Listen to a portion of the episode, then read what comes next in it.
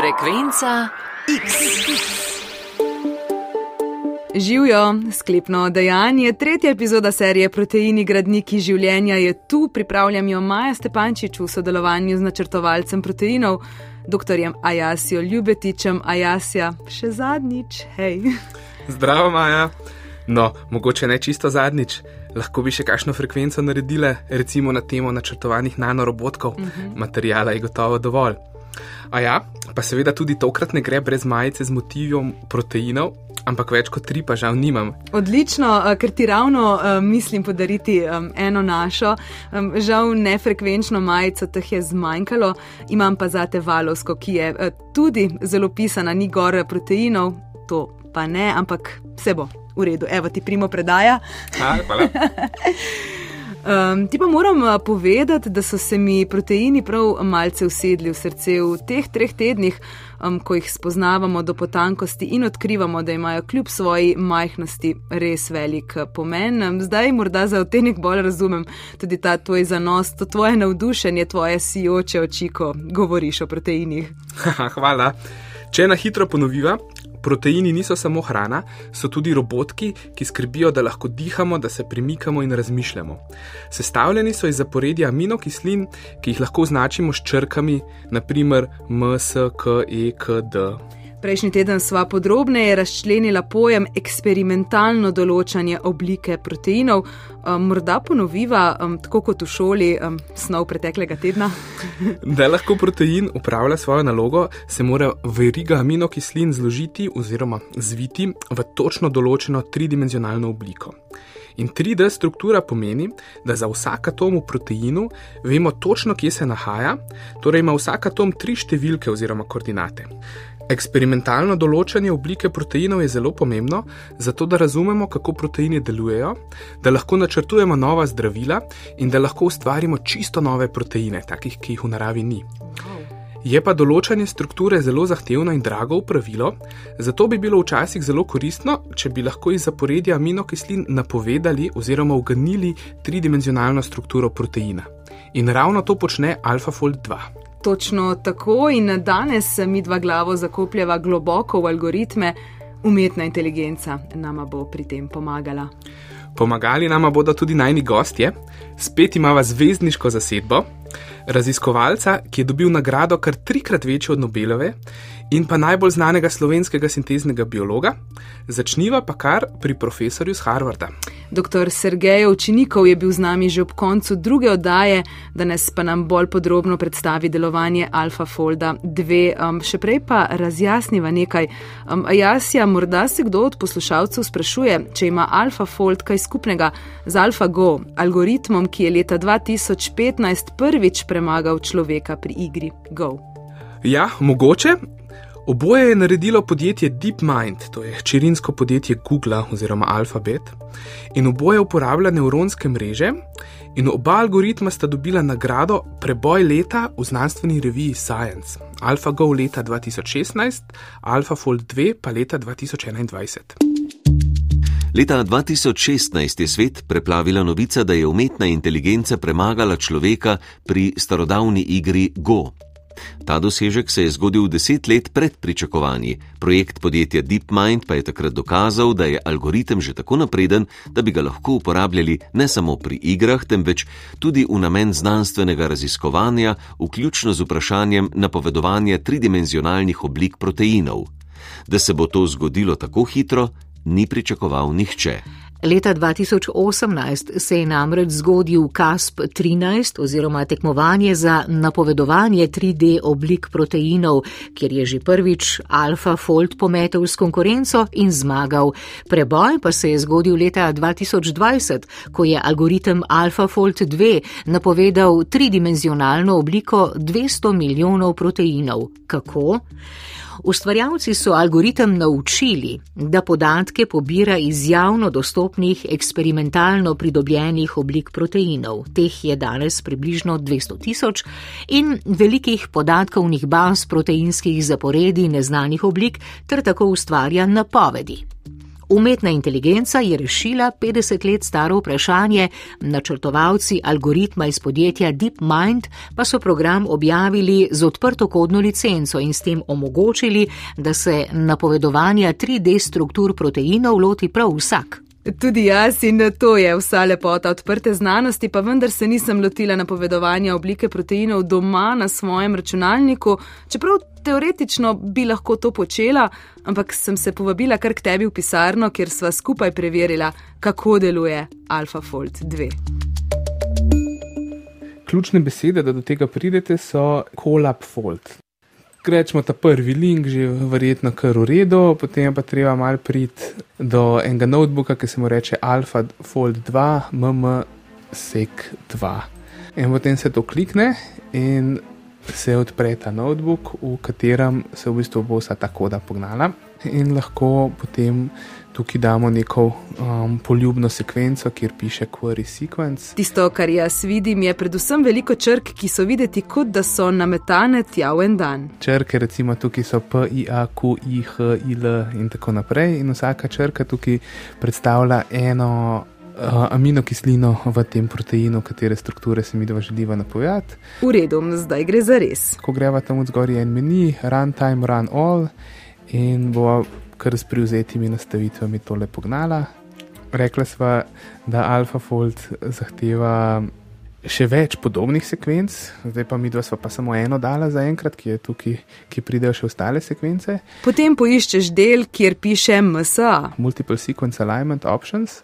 In v bistvu bo program naredil, bo, bo šel v baze podatkov, ki so na voljo, in bo poiskal vse podobne sekvence na eni sekvenci in jih bo potem naložil. Gledam v ekran, kjer se s pomočjo AlphaFolda 2 že poganja napoved. Zdaj le downloada to nevronsko mrežo. Ta nevronska mreža je velikosti 3,5 gigabajte. Zdaj se je zdownloadal, danes v bistvu kar pridno, kar hitro deluje. Zdaj le se nam bo pa pojavljala tukaj strukture.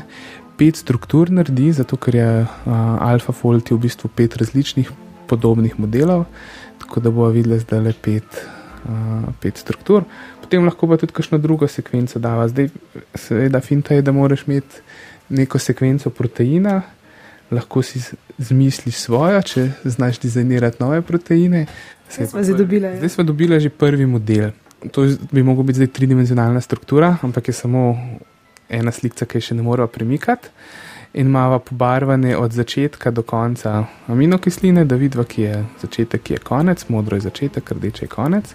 Drugi del je bolj pomemben, saj je pobarvan po zanesljivosti napovedi.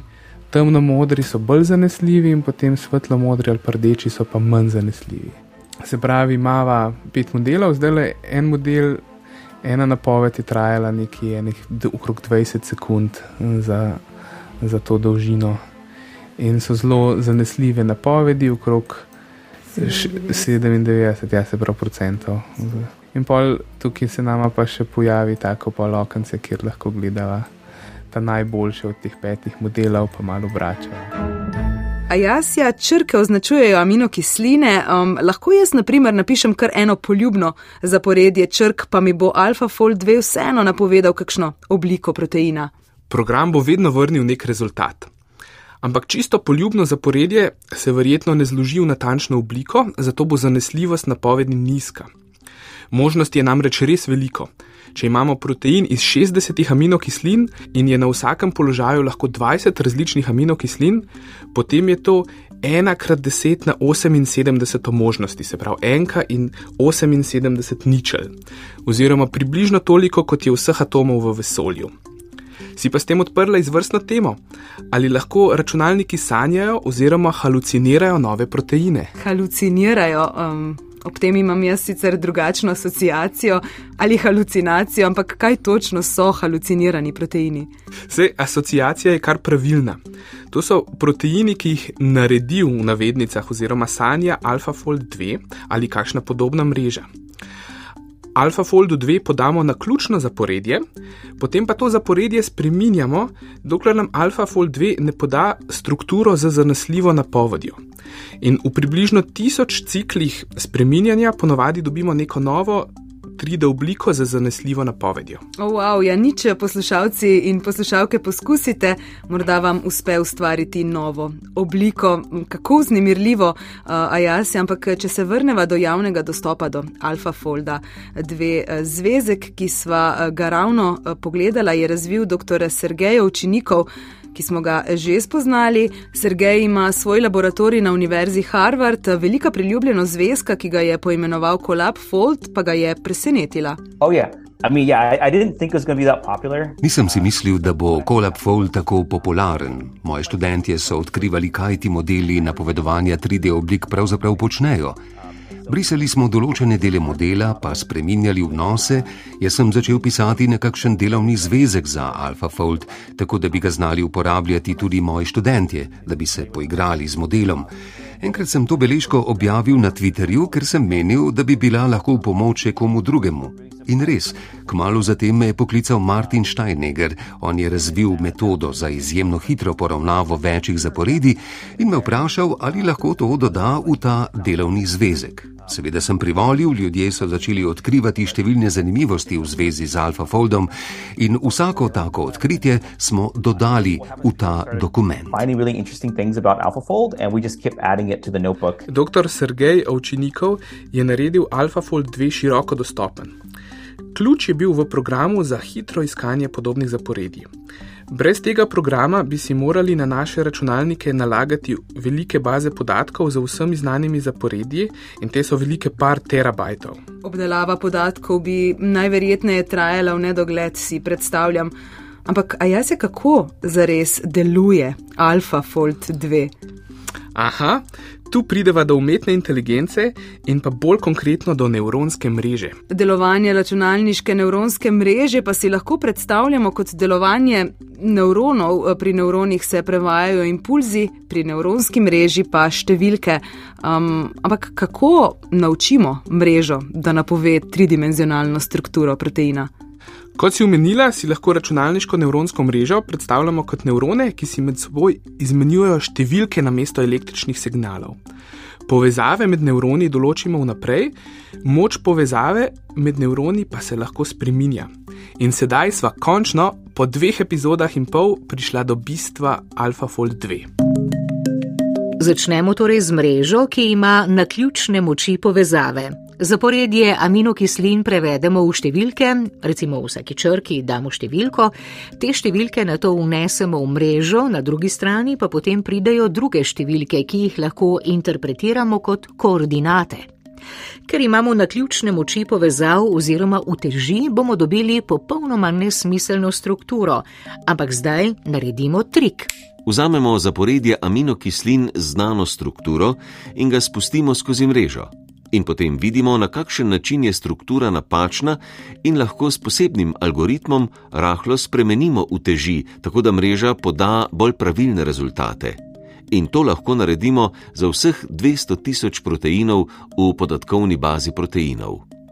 Vzamemo sekvenco, jo spustimo skozi mrežo in potem spremenimo uteži, tako da dobimo čim boljšo 3D strukturo in tako rečemo, da se je nevronska mreža naučila napovedovati proteine. Na to lahko skozi mrežo spustimo neko novo zaporedje, ampak ker so v teži povezave med nevroni že dobre, bomo dobili tudi dobro strukturo. To je zelo poenostavljen opis, je pa tukaj sedaj zanimivo, da v bistvu nihče ne ve, kako ta nevronska mreža deluje, oziroma katere stvari se je naučila. Je neke vrste črna škatla. Črna škatla se ne gre za nekaj zloveščega, kot se sliši. Ne, ne, seveda ne. Razlika je v tem, da pri klasičnih programih podamo natančna navodila. Recimo rečemo, če je na petem mestu v zaporedju aminokislina D, naredi to in to in to. Tu pa se je algoritem sam naučil podati rezultat brez teh natančnih navodil. Rečemo samo, napovej najboljše možne tridimenzionalne oblike. In potem program in algoritem najde deset povezav med nevroni, ki to zares naredijo. Sicer pa, a jaz se vse skozi govorimo, kakšen preboj se je zgodil na področju napovedovanja tridimenzionalnih oblik proteinov in da so s pomočjo umetne inteligence našli odgovore na mnoga vprašanja strukturne biologije, pa vendar je vseeno na mestu pomislek, kakšne so če so omejitve AlphaFolda 2? It, it all comes back to how much data you have. Vse je odvisno od tega, koliko podatkov imaš na voljo. Ko ljudje prvič slišijo za AlphaFold, pomislijo, da se je model naučil fizike, da se je naučil zvijanja proteinov, da mu daš zaporedje in iz tega nastane tridimenzionalna oblika proteina. V resnici pa ne počne tega. Če mu daš samo eno zaporedje, ne more napovedati ničesar. Kar dejansko počne je, da na osnovi nevronske mreže izlušči informacije iz večjih zaporedi. Namesto enega zaporedja jih je tu mnogo in algoritem potrebuje res veliko zaporedi, da deluje. Zato tu rad povdarim, da AlphaFold 2 uporablja eksperimentalne podatke, ker so ta zaporedja, ki jih primerja, dobljena s pomočjo eksperimentalnih podatkov. Še vedno pa smo zelo daleč od rešitve problema, od tega, da gremo od enega zaporedja do tridimenzionalne oblike, omejitev pa so podatki. A če bodo raziskovalci sekvencirali dalje, bomo sposobni rešiti še več takšnih vprašanj. And as people keep sequencing more and more things, these models will actually get better and better. Potrebno je omeniti tudi, da AlphaFold 2 ne razume, kaj je to DNK, tako da ne more napovedati, kako se proteini vežejo na DNK. Ali pa kako se proteini vežejo na male molekule, ki niso aminokisline. Tako da dela je še precej, prav zdaj le poteka CASP-15. DeepMind pa tokrat niso podali nove verzije AlphaFold 2. Zato je vprašanje, kdo bo zmagovalec letošnjega kaspa, to bomo izvedeli 10. decembra. Proteini, gradniki življenja. Na tem tekmovanju KASP, ki se dogaja na vsaki dve leti, je še pred algoritmom AlphaFold 2, torej leta 2016, z ekipo zmagal naj naslednji sogovornik. Ja, profesor David Baker, ki velja za superzvezdnika na tem področju. Ni še dobil Nobelove nagrade, dobil pa je prebojno nagrado na področju bioloških znanosti, ki je vsaj finančno za tri Nobelove nagrade pa tudi drugače je eden najpametnejših ljudi, ki jih poznam. Dr. David Baker je profesor na Univerzi Washingtona in načrtovalec novih proteinov. A jaz je dejansko že danes poznamo napovedano tridimenzionalno obliko vseh naravnih proteinov. Kaj pa načrtovanje novih? Ti se ukvarjaš tudi z načrtovanjem novih proteinov in tisti, ki so poslušali drugi del epizode, vedo, da smo celo natisnili čisto tvoj edinstven tridimenzionalen model proteina. Koliko časa, da nimo načrtuješ en protein? Za ta protein je bilo potrebno tri leta dela, ampak najprej sem se moral naučiti še vse računalniške metode in potem še vse eksperimentalne metode, recimo, kjer bakterije uporabimo za to, da nam protein naredijo. Ampak največ časa smo porabili za eksperimente, torej za določitev tridimenzionalne strukture in pa da smo izmerili, kako robotek hodi po tračnicah. O načrtovanju proteinov in pa tudi o napovedovanju njihove tridimenzionalne strukture, pa dosti več od mene ve prav profesor Baker, ki ima v Seattlu svoj laboratorij, Baker Lab. Tam je trenutno okoli 120 članov, kar je res ogromna številka. Začel je z napovedjo tridimenzionalnih struktur naravnih proteinov, delo pa nadaljuje z načrtovanjem popolnoma novih proteinov.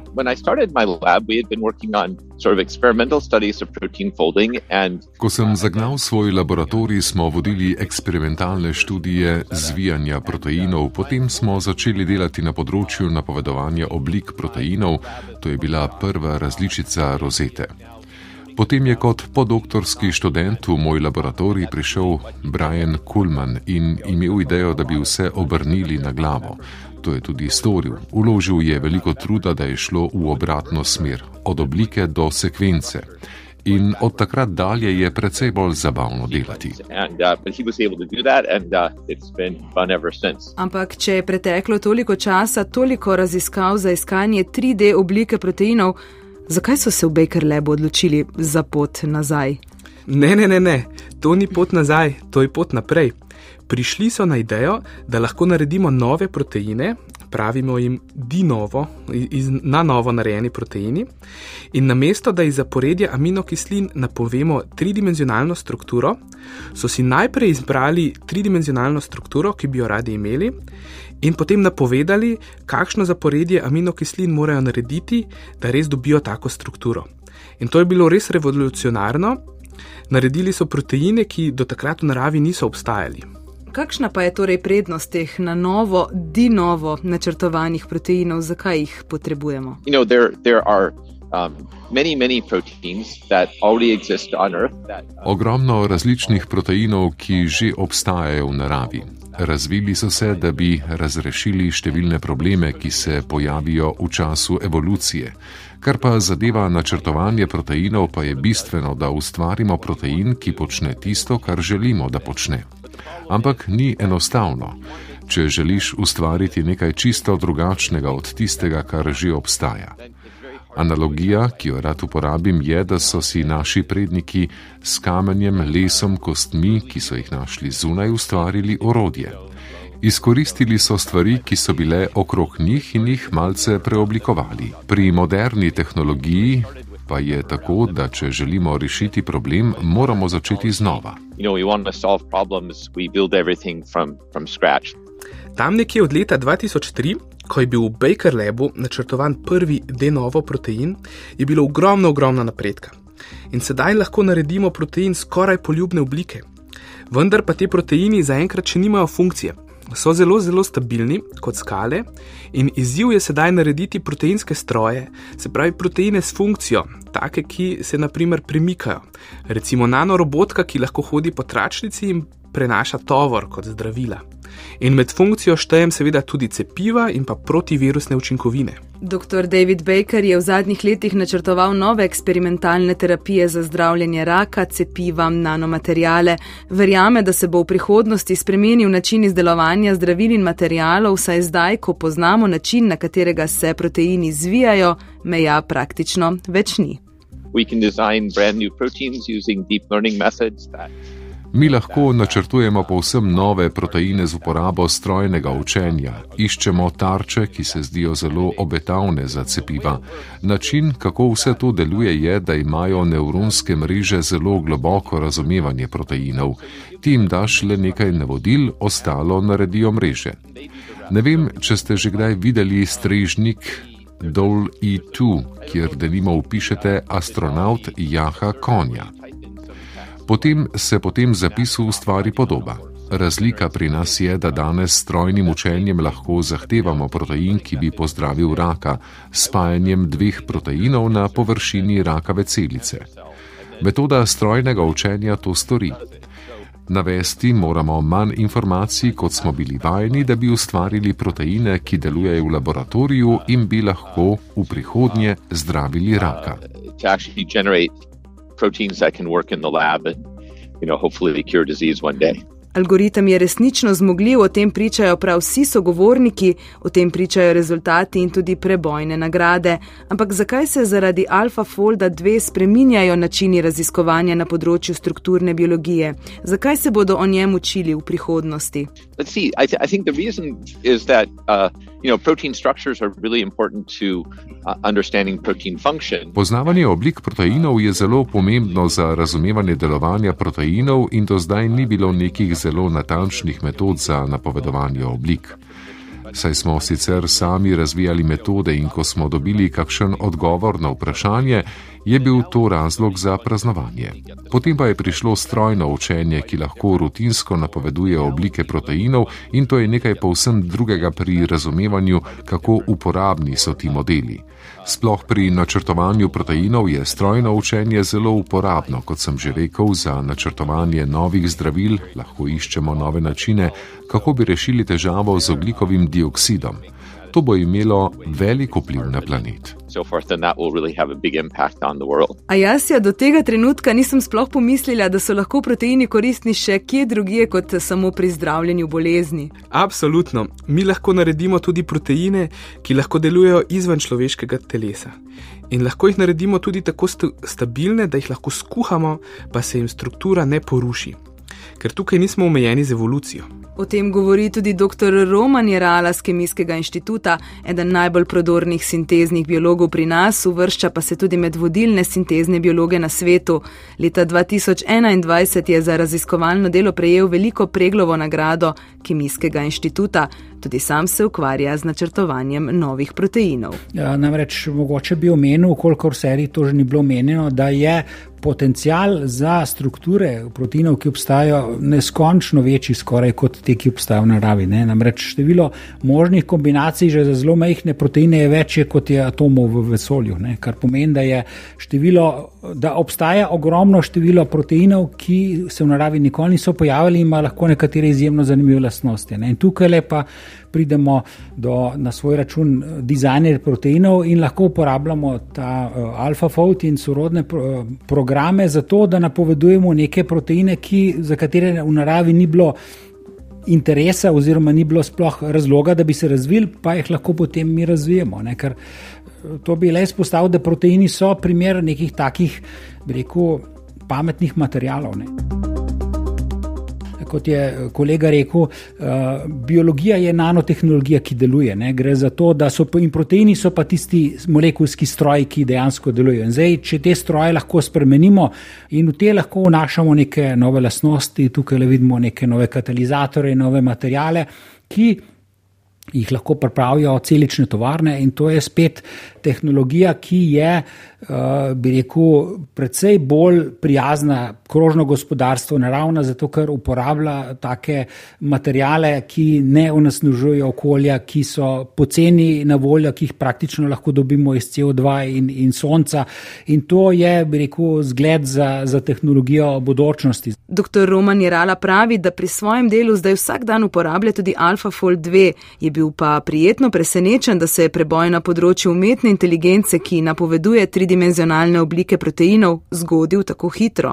Nisem pričakoval, v bistvu, da bo za časa mojega življenja ta problem rešen. To je bil res problem, ki je, ki je bil eden ključnih problemov ne? Eh, biokemije, kako samo linearno zaporedje aminokislin določa terciarno strukturo, seveda se je počasi premikal, ampak dejansko preden se je začelo uporabljati strojno učenje, ni bilo nekega takega revolucionarnega premika. Je šlo, seveda, če imamo zdravljene proteine, smo jih uporabljali, tudi mi smo, sami smo veliko uporabljali eh, modeliranje, kjer se je le dalo, ampak marsikdaj so modeli popolnoma zgrešili. In te možnosti AlphaFolda so bile prav za, rekel, za stališča znanosti res, res uh, izjemen preboj, kot rečeno. Pri svojem delu se ukvarja tudi z raziskovanjem novih zdravil. Zanimalo me je, ali ima v žepu kakšen konkreten primer, ko AlphaFold 2 pomaga pri načrtovanju novega zdravila ali cepiva. Zdaj, če pa govorimo za zdravila, je pa spet še en izziv, ne, da zaenkrat še ne vemo, kako bi načrtovali male molekule, ki se vežejo na proteine. Eh,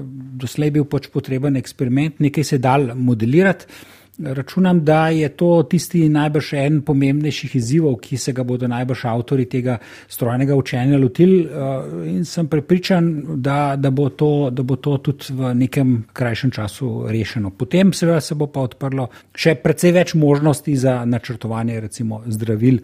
Eh, precej bolj učinkovito, kot smo to delali doslej. V zadnjih letih se veliko omenja tudi celične terapije, ki so veliko upanje za prihodnost. Bo to še bolj zanimivo in plodno tudi z uporabo proteinov? Eh, zagotovo človeških proteinov, po drugi strani pa tudi spremenjenih proteinov. Ne? Recimo eh, en projekt izvajamo, Virofight, s kolegi iz, iz Nemčije in Danske, kjer dizajniramo proteine in nukleinske kisline, ki bi lahko prepoznali virus in okrog njega ga zaprli v neke vrste kletje kletko. Ne. Kolegi na osnovi DNK so to naredili, res take impresivne strukture, ki dobesedno zaprejo viruse v kletko, za proteini zaenkrat nekoliko teže, ampak proteinem je teže dizajnirati, ampak z pomočjo AlphaFolda in podobnim je pa to ostalo bistveno lažje in sem prepričan, da bomo zelo hitro ujeli in zelo verjetno prehiteli kolege, ki delajo na osnovi DNA nanotehnologije. Proteini, gradniki življenja. Wow, jaz je res, vas na tem področju čakajo vznemirljiva leta raziskovanja,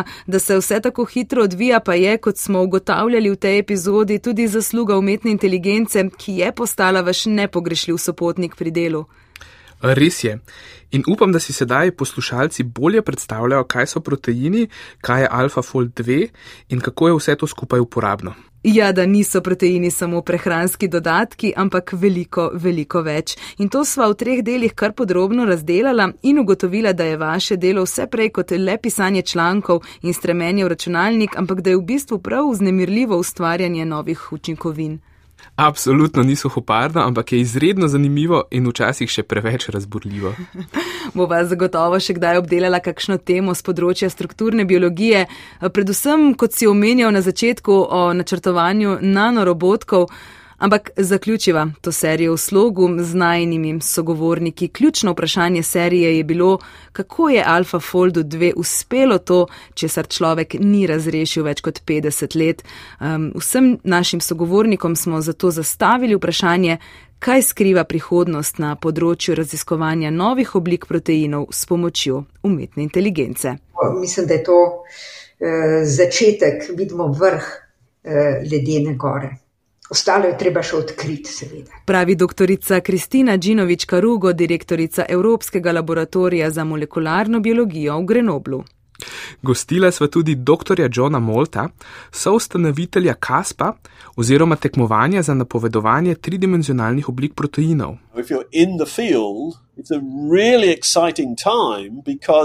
Če deluješ na tem področju, je zdaj na vidiku zelo vznemirljivo obdobje.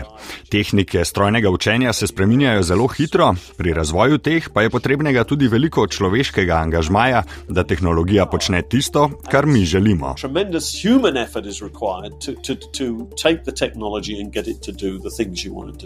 V izjemno čas nama je bilo, da sva se pogovarjala tudi z Nobelovcem dr. Joachimom Frankom, ki pravi, da je umetna inteligenca izjemno pametna, sploh še še, ker zajema podatke iz baz, ki so jih ustvarjali nekaj desetletij. Napovedovanje oblik proteinov je zdaj hitrejše, a vendar ne verjame, da bo AlphaFold 2 kdaj nadomestil eksperimentalno znanost. Uh, experimental research. Dr. Sergej Ovčinikov dodaja, da smo kljub napredku še zelo daleč od zanesljive napovedi vsega proteinskega vesolja, se pravi vseh proteinov, ki obstajajo. Dr. Roman Jerala pa, da živimo v znemirljivih časih za znanost. Ja, moram reči, da je danes eh, rekel, izjemno obdobje, da živimo na času veto življenja. Ne? Tako da glede tega mislim, da, da je izjemno razburljivo, kar ne na zadnje, eh, nekaj časa nazaj smo mislili, da je že skoraj vse ugotovljeno oziroma odkrito, potem pa so se pokazali glede reprogramiranja matičnih celic, potem glede možnosti CRISPR. Da, potem tukaj je ta preboj z napovedovanjem struktur proteinov, tako da sem prepričan, da, da ima znanost eh, še izjemno prihodnost. A jaz ja še tvoje sklepne besede ob slišanem. Ha, jaz se za vsem povedanim seveda strinjam. Res je zanimivo oziroma kar čudovito obdobje na področju veto življenju in tudi dober čas je za biti proteinski inženir. V Sloveniji imamo trenutno res dobra znanja na tem področju in upam, da bo v prihodnosti samo še bolje.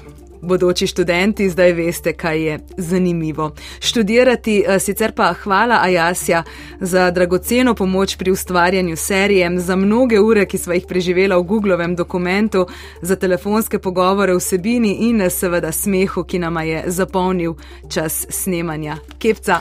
Točno, kepca. Uh, hvala tebi, Maja, za izvrsto temo, res je bilo super. Odlično je bilo, hvala tudi vam, poslušalci in poslušalke, da ste ostali z nami vse tri epizode. Naročite se, če se še niste na naš podcast, lahko nas seveda tudi ocenite. Bodite dobro, bodi dobro, jasja in uh, hvala. Um, zdaj pa še povabilo k poslušanju frekvence X prihodnji teden. Z vami bosta Maja Rate in Jan Grilc, ki bosta pregledala najodmevnejše znanstvene novice v mesecu novembru.